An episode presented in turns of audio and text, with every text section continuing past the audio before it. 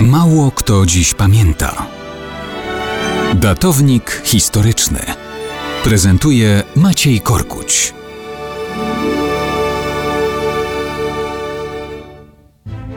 Mało kto dziś pamięta, że 16 kwietnia 1118 roku zakończyło się dość burzliwe życie hrabiny Sycylii i królowej Jerozolimy Adelaidy del Vasto. Miała 14 lat, kiedy poślubiła hrabiego Sycylii Rogera I. Po jego śmierci rządziła jako regentka sprawująca władzę w imieniu syna Rogera II, ale ten dorósł, a po świecie rozniosło się, że bajecznie bogata Adelaida jest jako wdowa świetną kandydatką na żonę.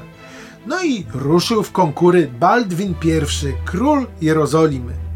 Bogactwo i nowe możliwości jako posag nęciły go niezmiernie, ale nic tu nie było proste.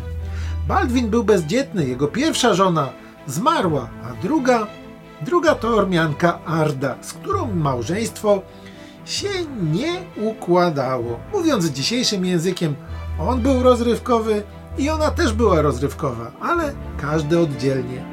Dzieci z tego nie było i ich do siebie nie ciągnęło. Baldwin oddalił ją więc do zakonu, z którego zresztą szybko uciekła, a sam zaczął smalić cholewki u Adelaidy.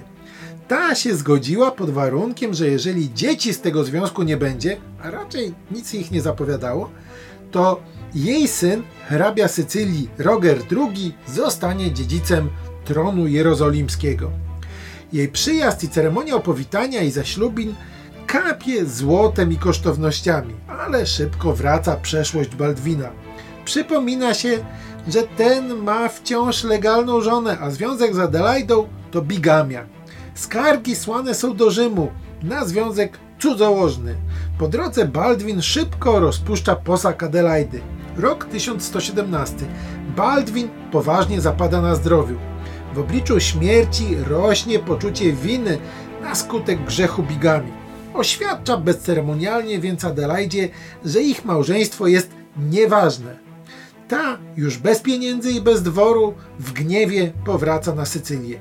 Hrabia Roger II tej zniewagi matki nigdy Baldwinowi nie wybaczył, ale los chyba także nie. Poprzednia żona do Baldwina oczywiście nie wróciła, a choroby też nie odeszły. 2 kwietnia 1118 roku Baldwin umiera powalony malarią. Sponiewierana Adelaida opuszcza ziemski padł 14 dni później. Z całego zamieszania małżeńsko wyszły same straty. Miało być jak w porzekadle, wilk syty i owca cała, a wyszło odwrotnie. Wilk zdechł i owca padła.